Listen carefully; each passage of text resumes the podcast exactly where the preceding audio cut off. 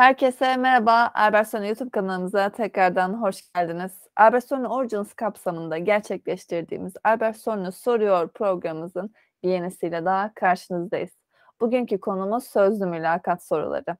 Mülakat denilince çalışan adayları ister istemez gerilebiliyor ve bu kapsamda mülakatlara gitmeden önce araştırma yapmak istiyorlar. Hatta araştırma yapıyorlar ve mülakata da böylece en iyi şekilde girmek istiyorlar.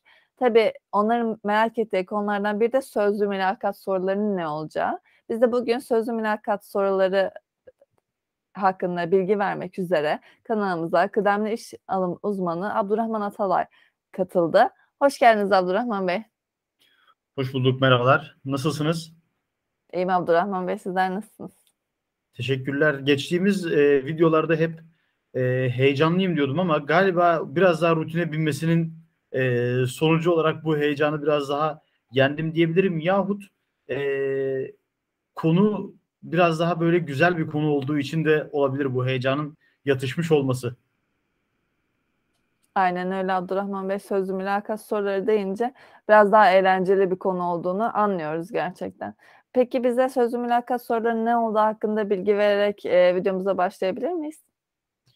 Sözlü mülakat soruları aslında mülakatın çeşidine, uygulanış yöntemine bağlı olarak e, çeşitli yetilerin, kabiliyetlerin ölçülmesi için sorulmuş olan sorular. Bunlardan size örnekler de paylaşacağım. Ama e, kaba tabirini, kaba çerçevesini bu şekilde çizebiliriz. E, malumunuz 5-6 farklı çeşit e, mülakat türü var.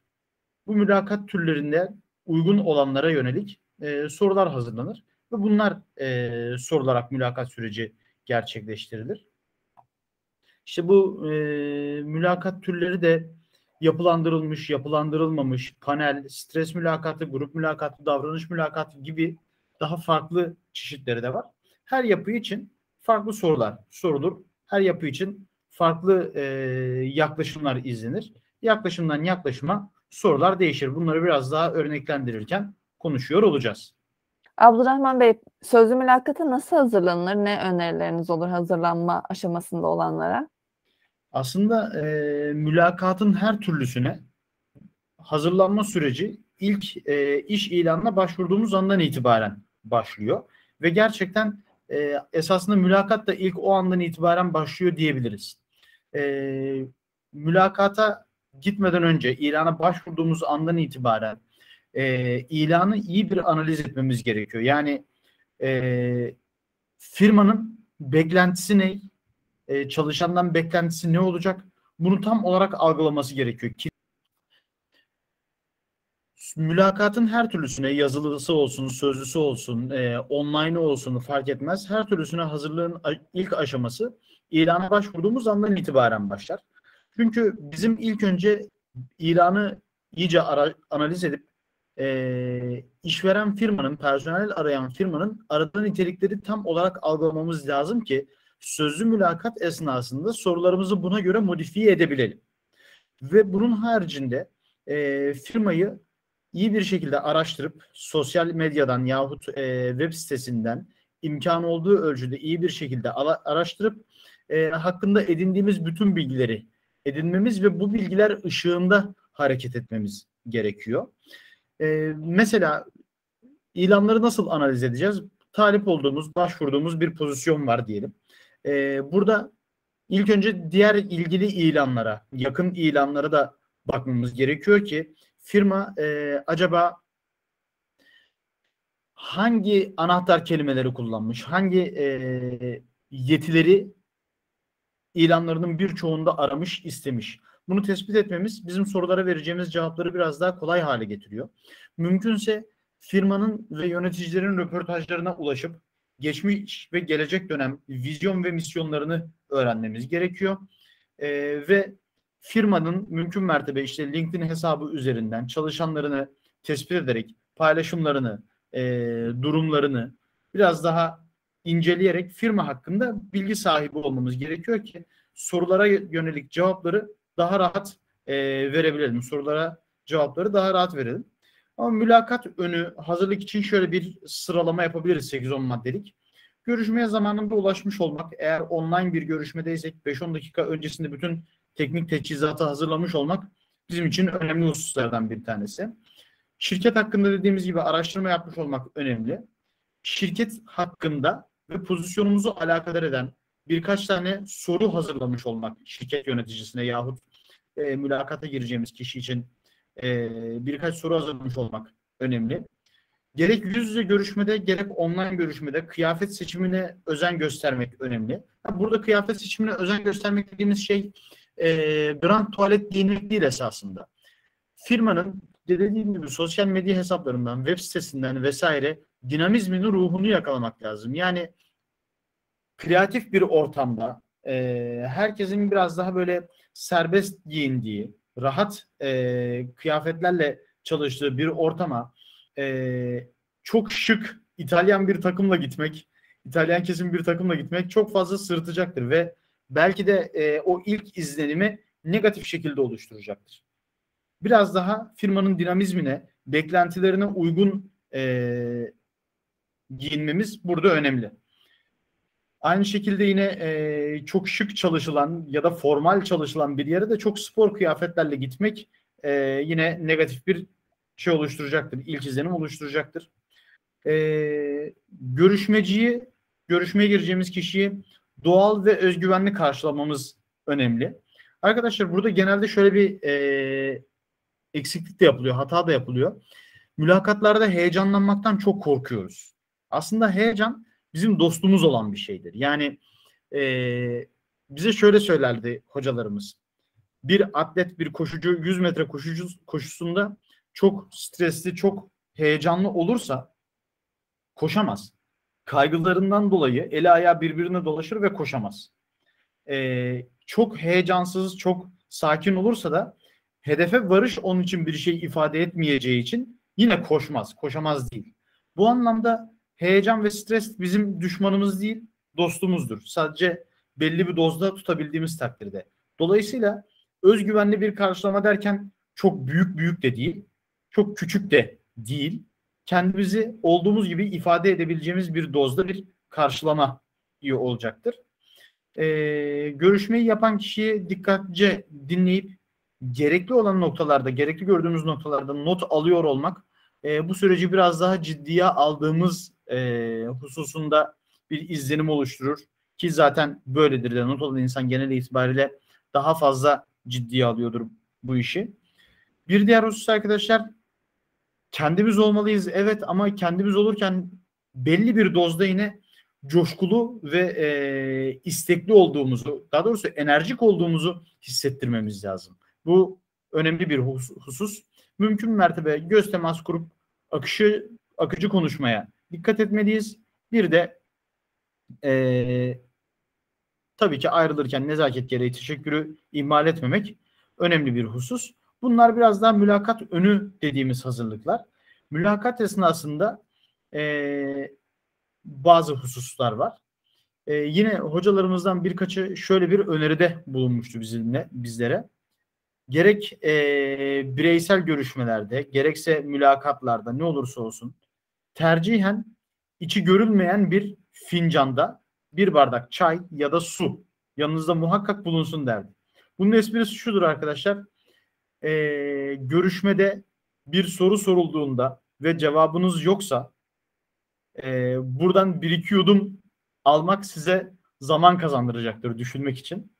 E, her firma size çay kahve ikramında bulunmaz.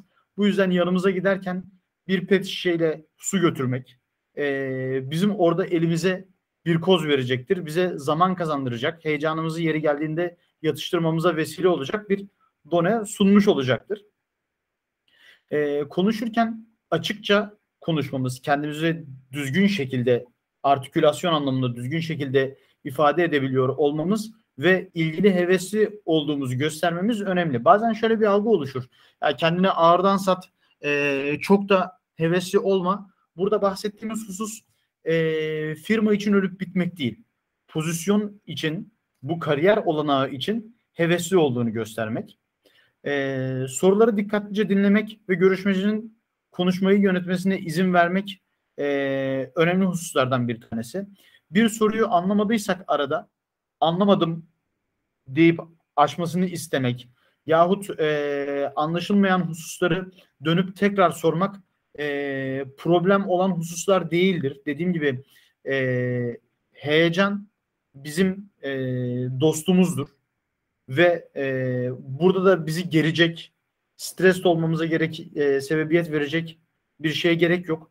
En azından bir soruyu anlamadığında e, tekrar sorabilen kişi en azından hatasını yahut eksiğini kabul edip düzeltme çabasında oluyor izlenimi de oluşturabilir.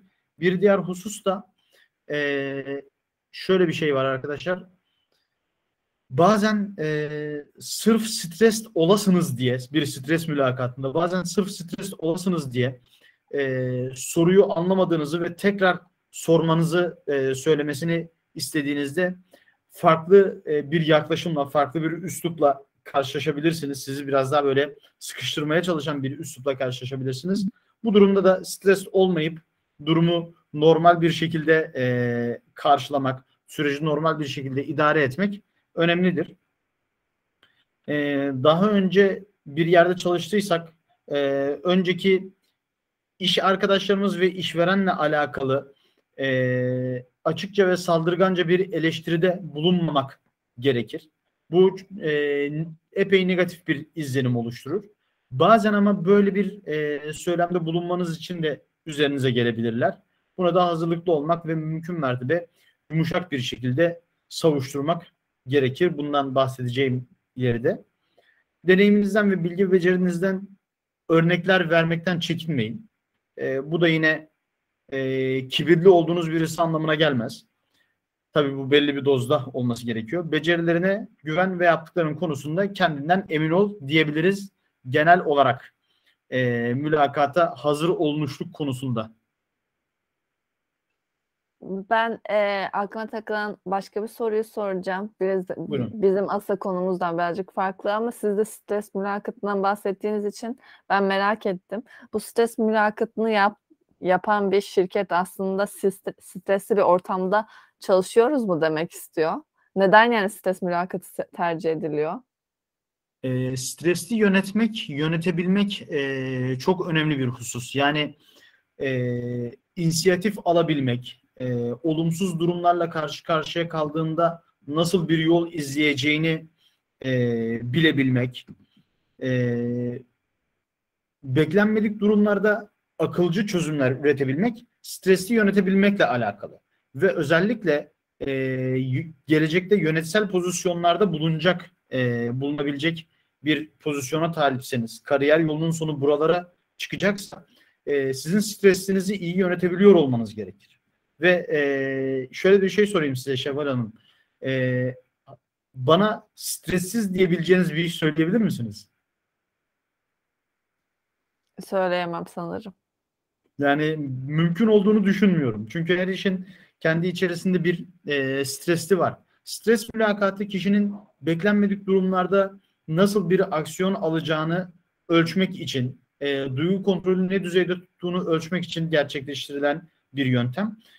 E, bu gibi olumsuz e, doneleri, şirket hakkındaki olumsuz doneleri yakalayabileceğimiz farklı şeyler olabiliyor ama bu genelde mülakat esnasında ortaya çıkmıyor. Bu bahsettiğim e, mülakat öncesindeki araştırmalarda daha çok ortaya çıkan hususlar oluyor. Şirket hakkındaki olumsuzluklar.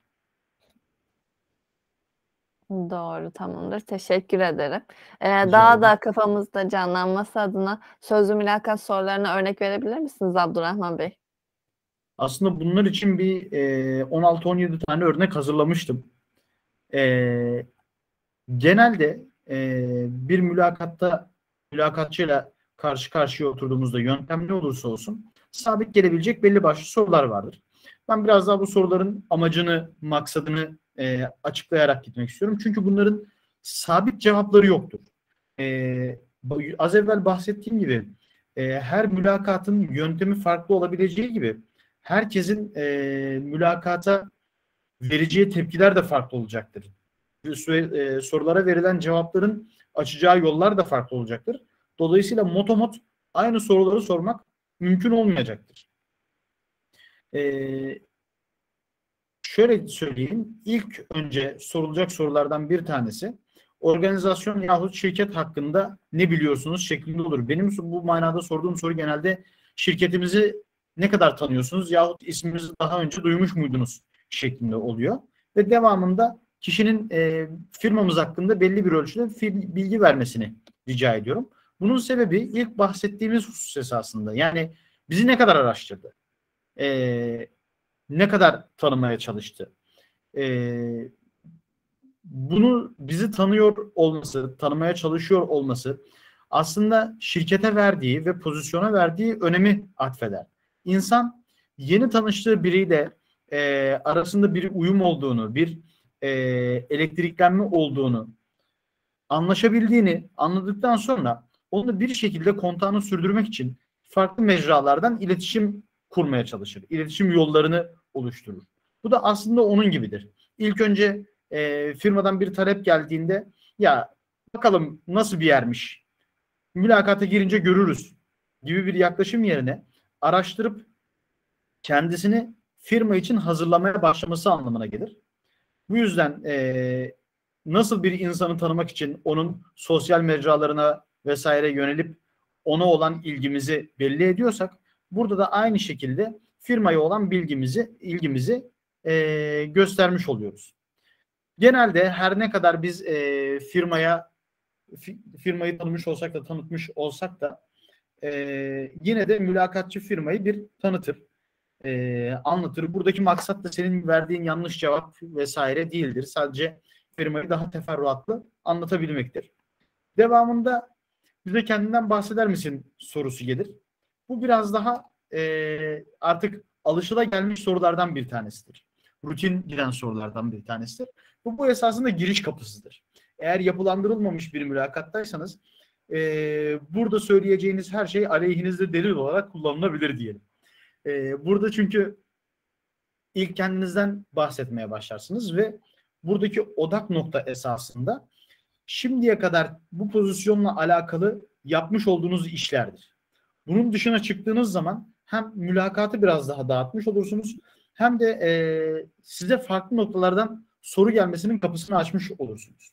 Burada önemli olan e, bu pozisyon için bu zamana kadar neler yaptın ve e, bu pozisyona katkı sağladığını düşündüğün e, hobilerin, özelliklerin vesaire olabilir. Burada en önemli husus e, tutarlı yanıtlar vermek. Yani bazen arkadaşlar e, kendilerinde olmayan özellikleri de e, biraz daha çevrelerinden verilen akılla e, varmış gibi lanse etmeyi tercih edebiliyorlar. Bu da ilerleyen sorularda e, zora düşmelerine sebebiyet verebiliyor. Bir diğer husus arkadaşlar neden burada çalışmak istiyorsun? Bu aslında e, çok popülaritesini günden güne yitirmeye başlamış olan bir soru. Çünkü eskiden e, firmalar personel seçerdi. Evet şimdi çalışanlar da e, firma seçiyor. Personeller de firma seçiyor.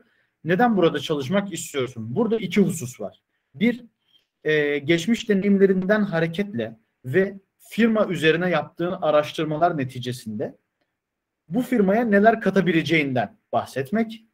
İkincisi, bu firmada kendi kariyer yolculuğunda nerelere gelebileceğin. Neden bizimle çalışmak istiyorsun? Ee, misal veriyorum. Önümüzdeki 5 yılki e, stratejik planlamanız işte falanca e, derginin makalesinde okut, denk geldim. E, benim kariyer planlamamla örtüşüyor.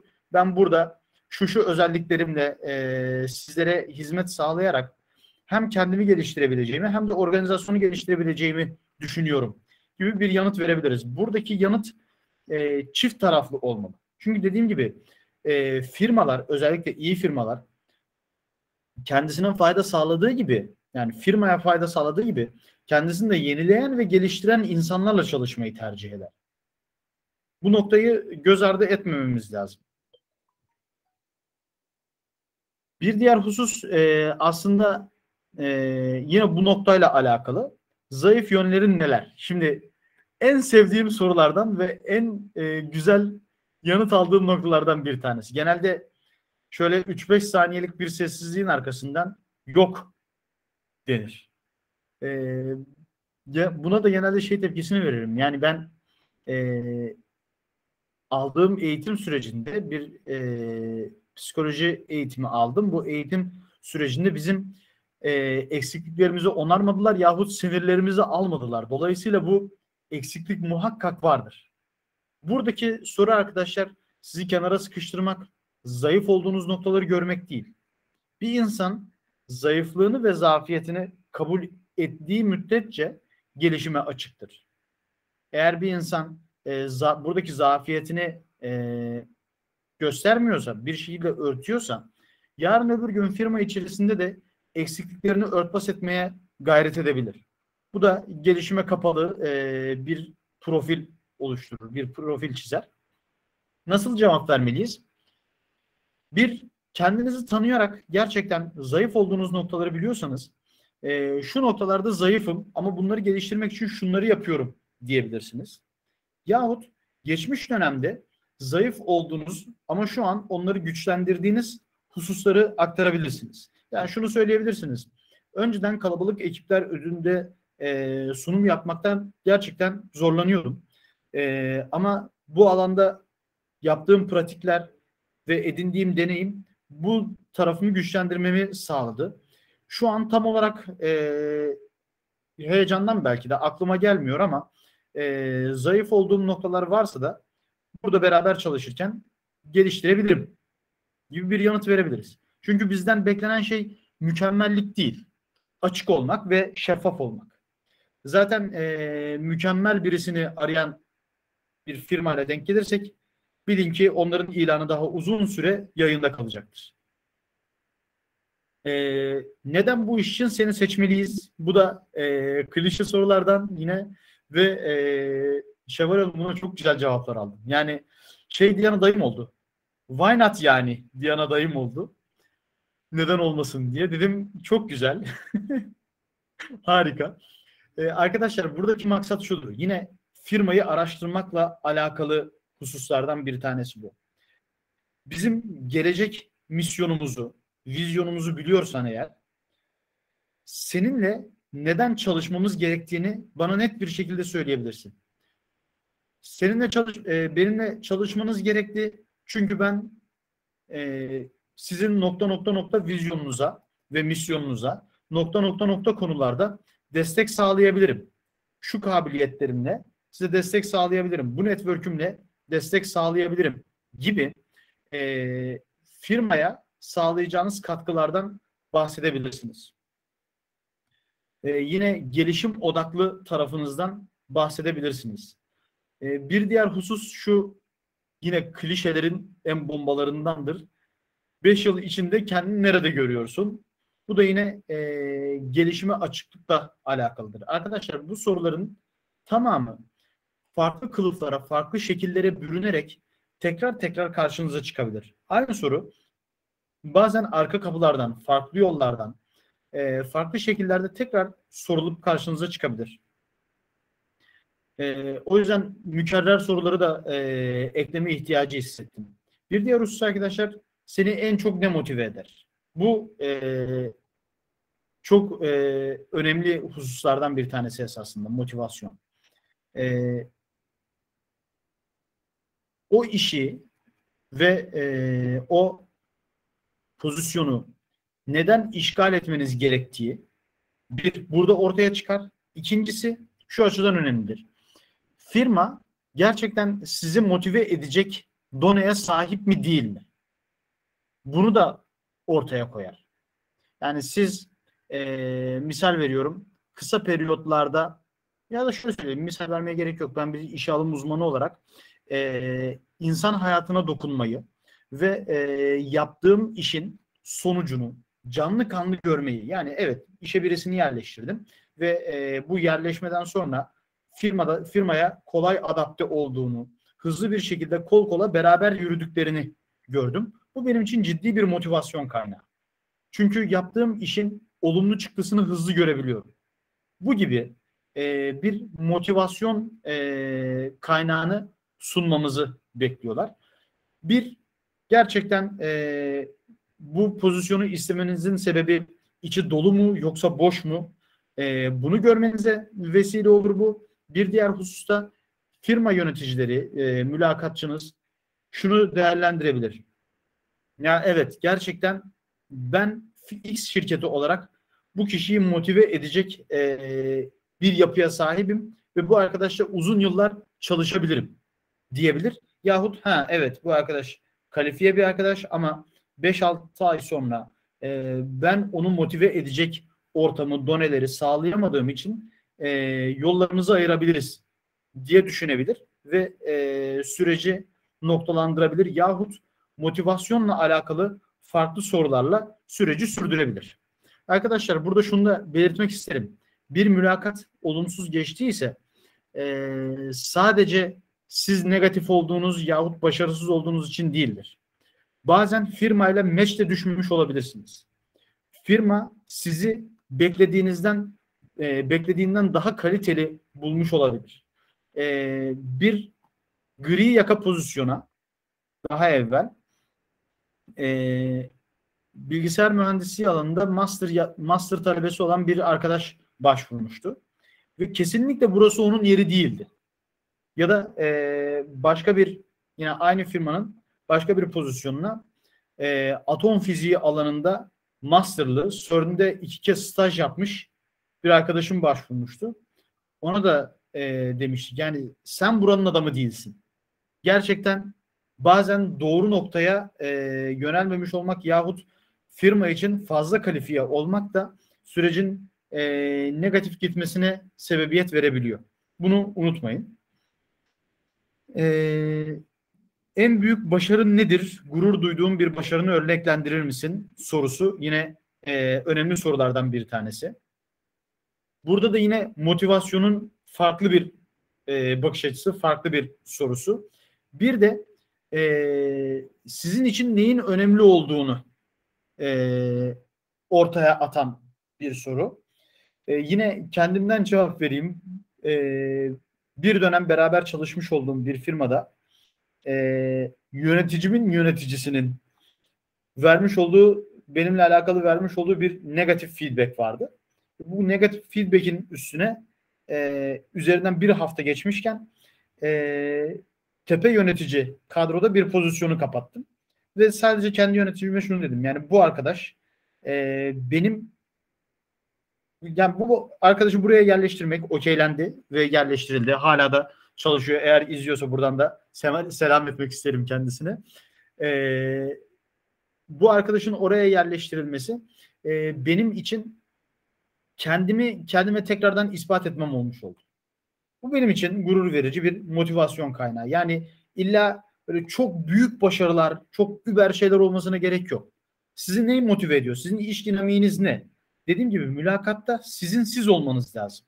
Başkası ya da olduğunuzdan daha büyük, daha küçük birisi olmanıza gerek yok. Sizin siz olduğunuz birisi olması yeterli. En büyük başarısızlığınız nedir? Bu da aslında önemli bir soru. Neyi başarısızlık olarak addettiğimiz önemli. Bunun yanı sıra bu başarısızlığı söyledikten sonra şunu da söylememiz lazım. Evet bu konuda başarısız oldum ama e, bu başarısızlığımın sebebi de şu şu şuydu e, ve e, buradan şu gibi dersler çıkartarak bunu telafi ettim gibi bir yaklaşımla gitmemiz lazım. Sorulan sorular e, bizi yargılamak için değil, e, kendimize ne derece eleştirel baktığımızı anlamak için aslında. Çünkü istedikleri şey bu. Yine gelişimle açıklıkla alakalı bir husus. Ne kadar eleştirel olursanız o kadar gelişir ve geliştirirsiniz. Kendiniz geliştirdiğiniz müddetçe organizasyonu da geliştirebilirsiniz. En güçlü yönlerin nelerdir? Yine bu e, kabiliyetlerimiz, başarılarımızla alakalı bir şey. Ama burada şu da önemli arkadaşlar.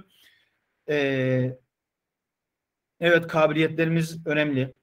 Çok e, güzel kabiliyetlerimiz olabilir ama bu kabiliyetler kabiliyetlerin ne kadarı firmanın işine yarayacak olan kabiliyetler. Burada her kabiliyeti aktarmış olmamız çok anlamlı değil.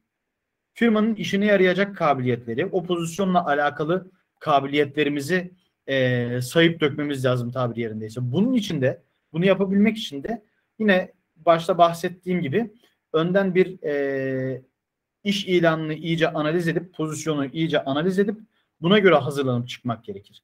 Diğer türlü alakasız konularda kabiliyetlerimizden bahsetmek yahut o an oracıkta kabiliyetlerimizi düşünmek çok mümkün olmayacaktır. Yani çayımızdan aldığımız bir yudum esnasında bunu düşünmemiz çok mümkün olmayacaktır. Senin için ideal çalışma ortamı nasıldır? Bu aslında güzel, yine e, aday odaklı sorulardan bir tanesi. İş yerinden beklentisi ne?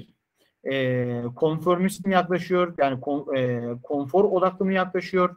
Yoksa e, biraz daha gelişim odaklı mı? Zorluklarla mücadele etme durumu nasıl? Aslında bunları soruyor e, bize. Bazı arkadaşlar ideal çalışma ortamını fiziken aktarabiliyor e, veya çalışma arkadaşlarıyla diyalog yahut işte görev tanımlarının net olması vesaire gibi açıklıyor. Aslında bunların hepsi e, burada net olarak ideal bir çalışma ortamından ne beklediğimizi gerçekten safiyane aktarmamız gerekiyor ki bir orası bize uygun bir yer mi?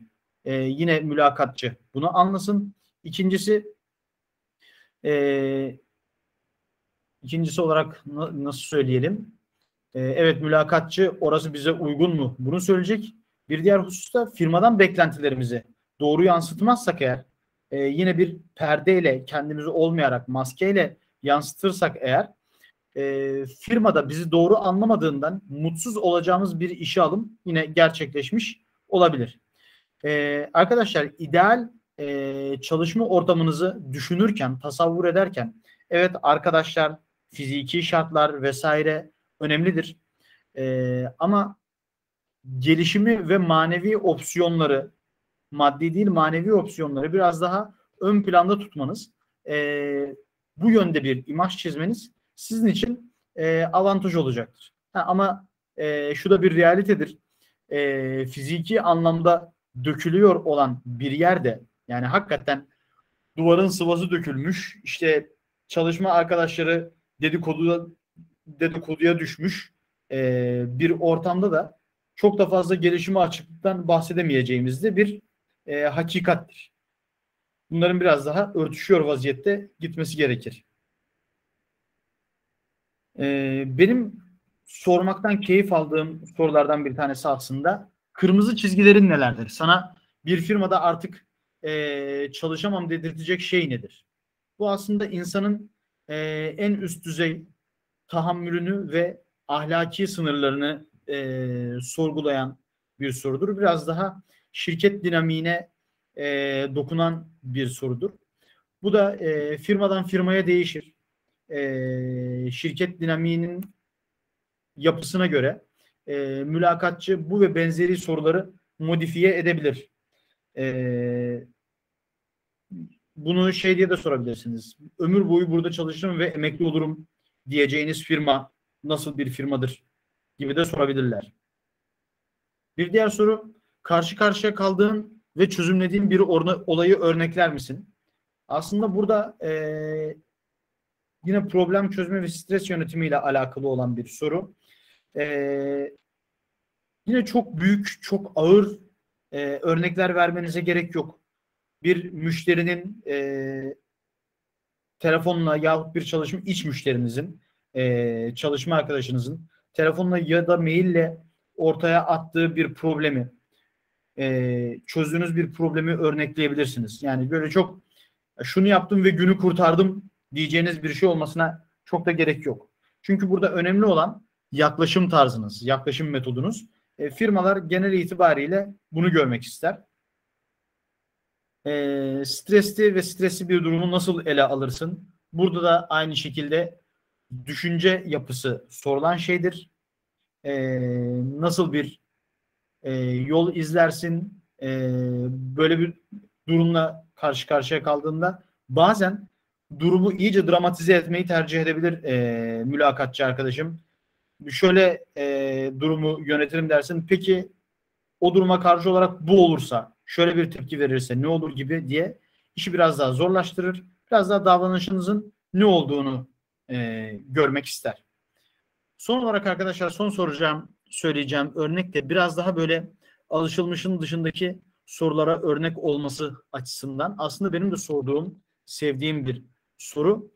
E, iş dünyasında kendini bir hayvana benzetecek olsaydın bu hangisi olurdu? Şeklinde bir soru. Burada ilk e, düşünce sistemini anlamak için sorulan bir sorudur. Çünkü anlık bir şaşkınlık e, yaratır. Devamında e, vereceğiniz sorunun cevabın akılcılığı ve oradaki e, simgeleştirmenin e, güzelliği de önemlidir. E, ben bunu bazen şey diye sorarım. E, hayvan değil de iş dünyasında kendinizi bir nesneye benzetecek olsaydınız ne olurdu şeklinde sorarım. Siber güvenlikçi e, bir arkadaşım şöyle bir yanıt vermişti. Aslında çok güzel, hoş bir yanıttı. Anlık bir duraksamadan sonra Sibop dedi. Emniyet Sibobu. Herhangi bir problem yaşanmaması için. E, yani güzel bir cevaptı.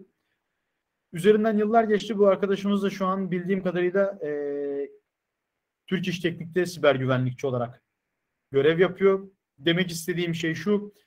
Verilen cevabın bazen saçma olması sizin e, yahut dış karşıdakine saçma gelmesi sizin başarısız yahut yeteneksiz olduğunuz anlamına gelmez.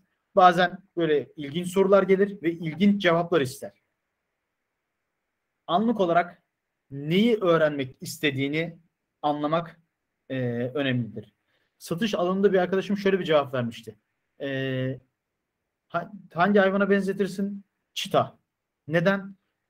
Yani e, sadece ihtiyacı olduğunda, aç olduğunda avlanır. E, gerçekten zor duruma düştüğünde yahut avına yaklaştığında saatteki hızını 120 kilometreye kadar çıkartır ve avı mutlak surette yakalar. Peki dedim satış pozisyonu için e, biraz zayıf kalan bir özellik değil mi? Evet dedi. Belki de e, bunu daha da güçlendirmem gerekir gibi bir yanıt vermişti. İlginç sorular gelebilir. İlginç cevaplar sizin düşünce sistematiğinizi gösterir. E, absürt olmadığı sürece her türlü cevap bu anlamda kabul görür. Aslında 16-17 tane örnek vermiş olduk. E, sizin aklınıza gelen ya bunu da aslında konuşabiliriz dediğiniz soru var mı? Varsa Benim... Şevval Hanım'ın yerine ben söyleyeyim. Bunu da yorumlarda bahsedebiliriz. İlerleyen videolarda cevap verebiliriz. Aynen aynı şekilde yoruma bırakabilir izleyicilerimiz. Bana da eskiden tutkun ne diye sormuşlardı mesela. Asla cevap veremedim. Şu anda da cevabı bilmiyorum. Tutkun ne sorusuna ne cevap verilmeli bir iş görüşmesinde. Aslında tutkun neyse onu söylemelisin. Yani muhtemelen bana sorsalar şu an yani tırmanış derdim. Neden? Bilmiyorum ama tırmanış. Yani tutku. Tutkunun nedeni olmaz genelde. Benim aklıma hobiler geliyor. Doğru olur mu bilemedim hobilerden bahsetmek. Aslında bu da benim konuşmak istediğim bir husustu. Hobiler bazen e, bazı arkadaşlar şey diye bahseder. E, hobilerinize CV'nizde yer vermeyin der. Aslında bu çok görece bir durum. Yani bir kısım mülakatçı özellikle yeni mezun birini işe alıyorsanız e, hobileri bazen belirleyici olabiliyor insanların. Mesela e, kürek yahut rafting ile ilgilenen birisine ben bunu hobilerinde gördüğümde kürek ve rafting üzerine biraz konuşurum ve artık şey sormam. E, takım çalışmasına uyumlu musundur?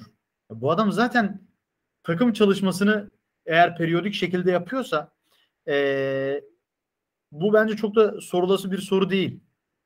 Yahut buradan e, örnekler çıkabilir. Mesela e, tiyatroyla alakadar olan birisine e, özellikle yeni mezunlardaysa mezunlardansa e, tiyatro üzerinden vaka yahut problem sorulabilir.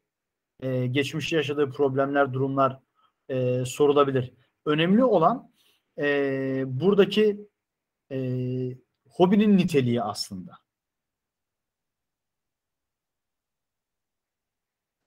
Doğru. Aslında baktığınızda hobiden birçok şey ortaya çıkıyor. Ben de kendi yazdığım, CV'de yazdığım hobileri düşününce ben de film izlemek, video oyunu oynamak, müzik dinlemek gibi hobiler Mesela, yazmıştım. Buradan da tam oyunu, tersi.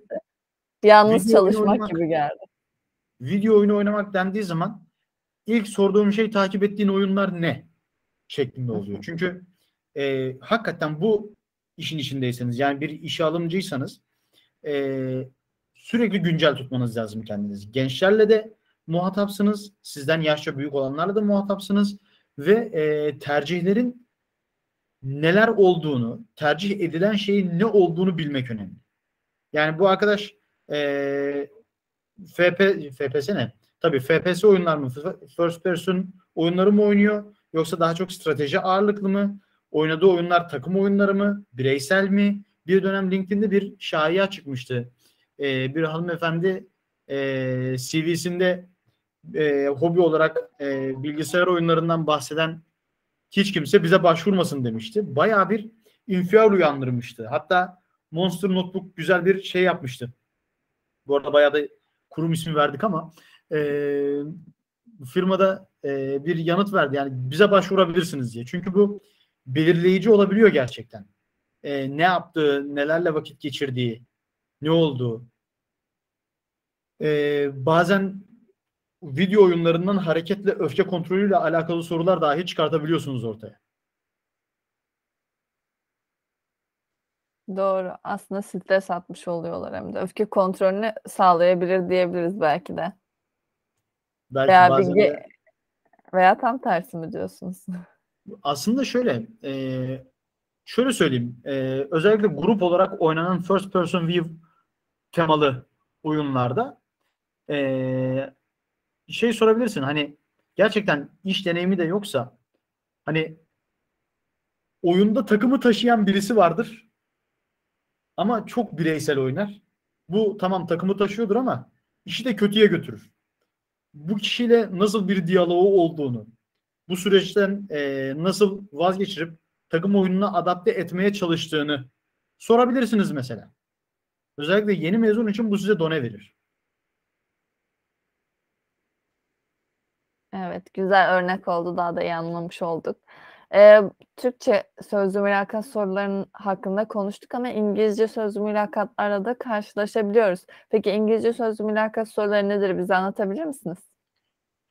İngilizce sözlü mülakat meselesi biraz aslında sıkıntılı, çetrefilli bir meseledir. Çünkü özellikle e, bir yabancı olarak e, İngilizce sözlü mülakata girdiğiniz zaman çok farklı parametreler, aksan, e, şive ve e, sağlıklı şekilde iletişim e, devreye giriyor. Bir diğer husus da heyecan faktörü.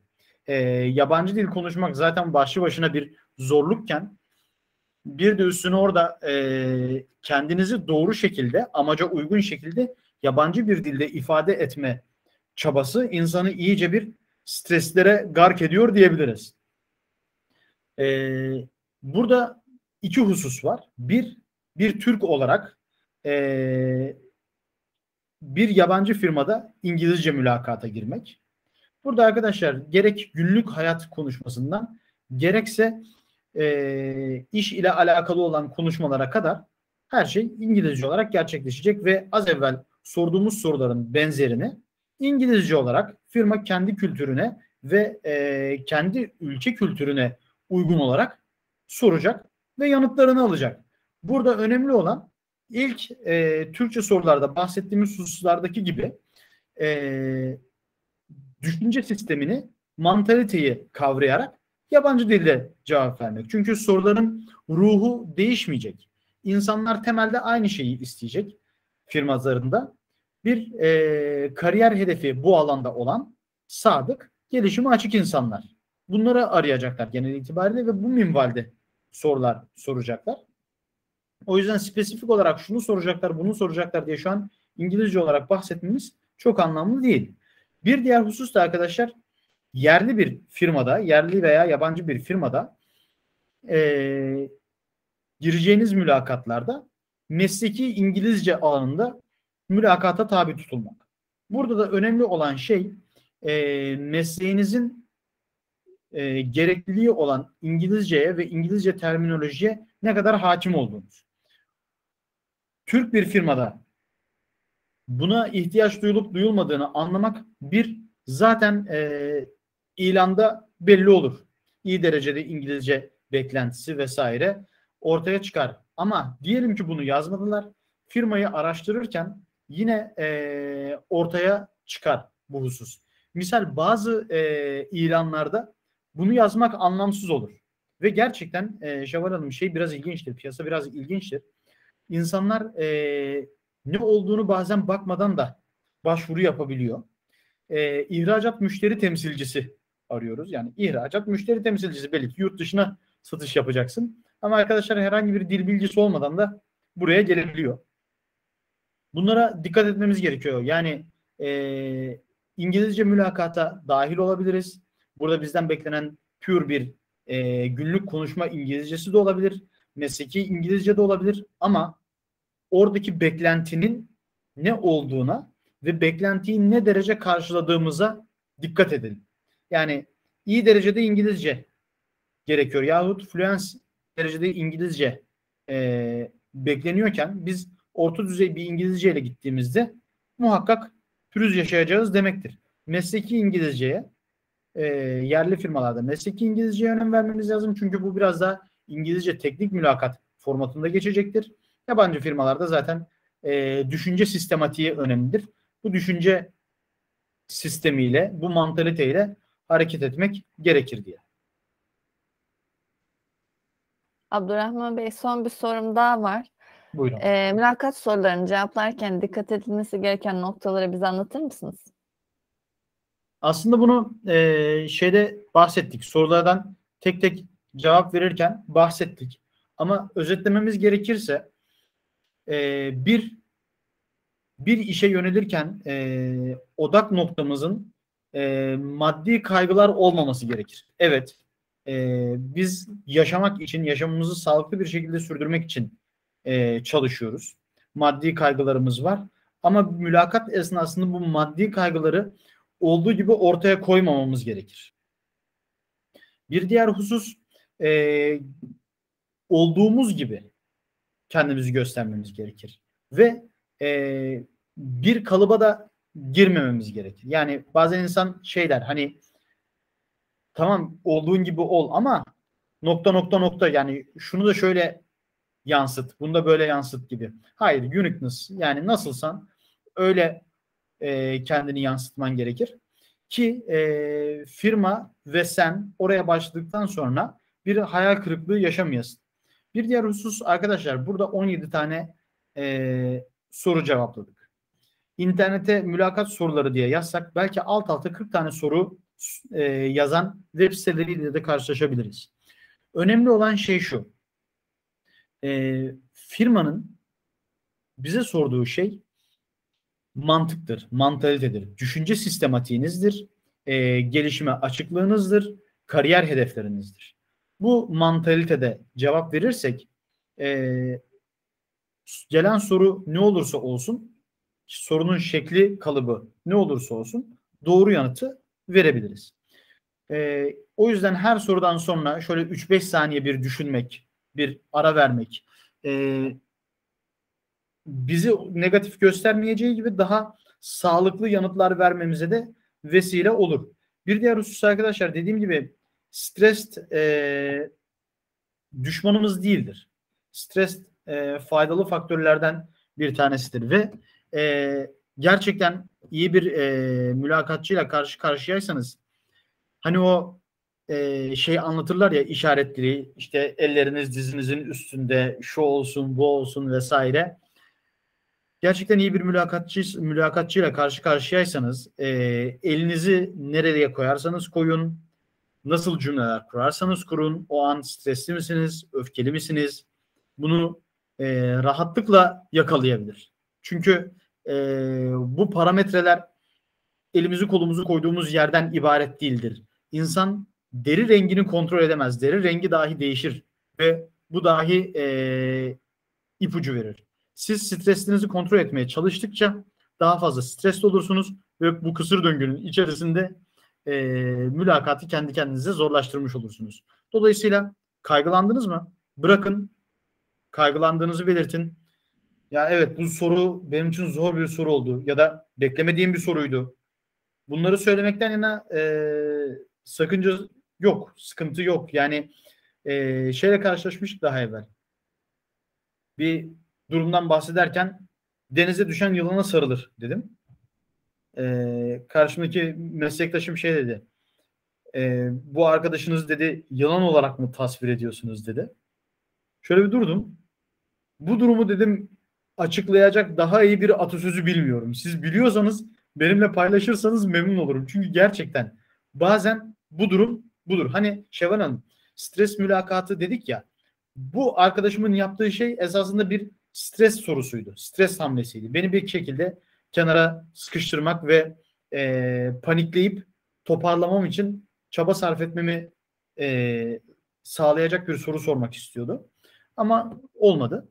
E, önemli olan arkadaşlar olduğunuz gibi stresliyseniz stresli, sakinseniz sakin. Önemsiyorsanız önemseyerek, önemsemiyorsanız önemsemeden ama olduğunuz gibi mülakatta bulunmak ve mülakat sürecinde e, coşkunuzu yitirmemek. Önemli olan husus bu diyebilirim. Abdurrahman Bey benim başka sorum kalmadı. Sizin eklemek istediğiniz bir detay var mı? Hayır teşekkür ederim. Ee, şöyle de diyebiliriz Şevval Hanım. Hani kapanışa yaklaştığımız için söylüyorum. Hep başka sorularınız varsa e, yorumlarda alabiliriz diyoruz. Şey de söyleyebiliriz. Başka konu başlıklarınız varsa onları da yorumlarda alabiliriz. Evet çok teşekkürler izleyicilerimize. Önce izleyicilerimize teşekkür ediyorum o zaman. İzleyen herkese çok teşekkürler. Sorularınız veya başlık önerileriniz, konu önerileriniz varsa aşağı yorum olarak bırakabilirsiniz. Yine sorularınız için albertsorun.com'dan bize ulaşabilirsiniz. Ayrıca bu gibi videoların devamını gelmesini istiyorsanız da beğenip abone olabilirsiniz kanalımıza. Bugün sözlü mülakat soruları hakkında bilgi vermek üzere işe kıdemli iş, işe alım uzmanı Abdurrahman Atalay Bey bizlerle beraberdi. Teşekkürler Abdurrahman Bey tekrardan. Ben teşekkür ederim. Gelecek programlarda görüşmek üzere diyelim. Görüşmek üzere, hoşçakalın.